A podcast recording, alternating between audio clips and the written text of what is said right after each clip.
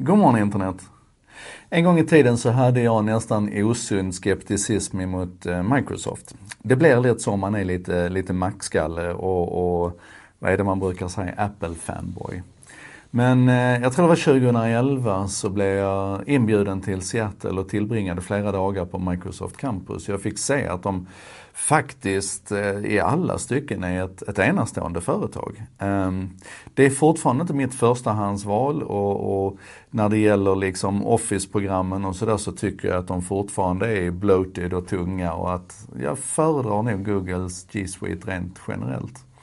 Men det är ett företag med smartskallar och eh, just nu så pågår någonting som heter Microsoft Build 2018. Det är deras årliga utvecklarkonferens kan man säga.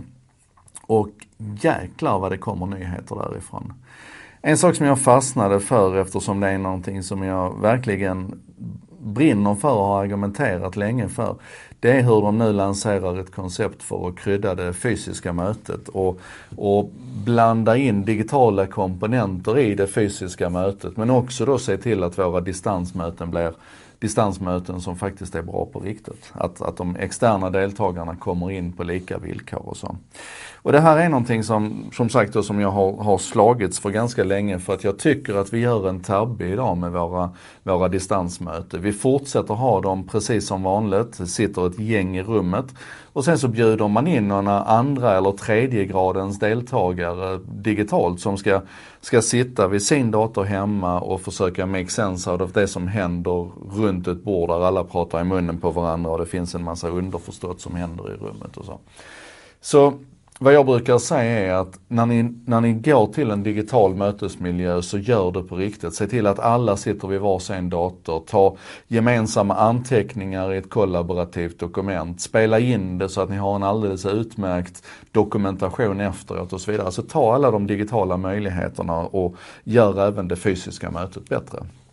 Och nu har då Microsoft demonstrerat ett, ett nytt mötesrum som de kallar det. Och och det är, inledningsvis så ser det inte speciellt surrealistiskt ut. Det är en stor skärm i ena änden och så är där en, en liten pyramid som står mitt i, i rummet. Men den arbetar då med, med eh, igenkänning av vilka som kommer in i rummet till exempel och hälsar mötesdeltagarna välkomna med namn och, och identifierar och prickar av då att nu är de här, nu är de här deltagarna här. Eh, den gör hela tiden en transkribering om allting som sägs i mötet och kan skilja de olika deltagarna åt och gör en riktigt, riktigt klockren transkribering. Även när de pratar i munnen på varandra.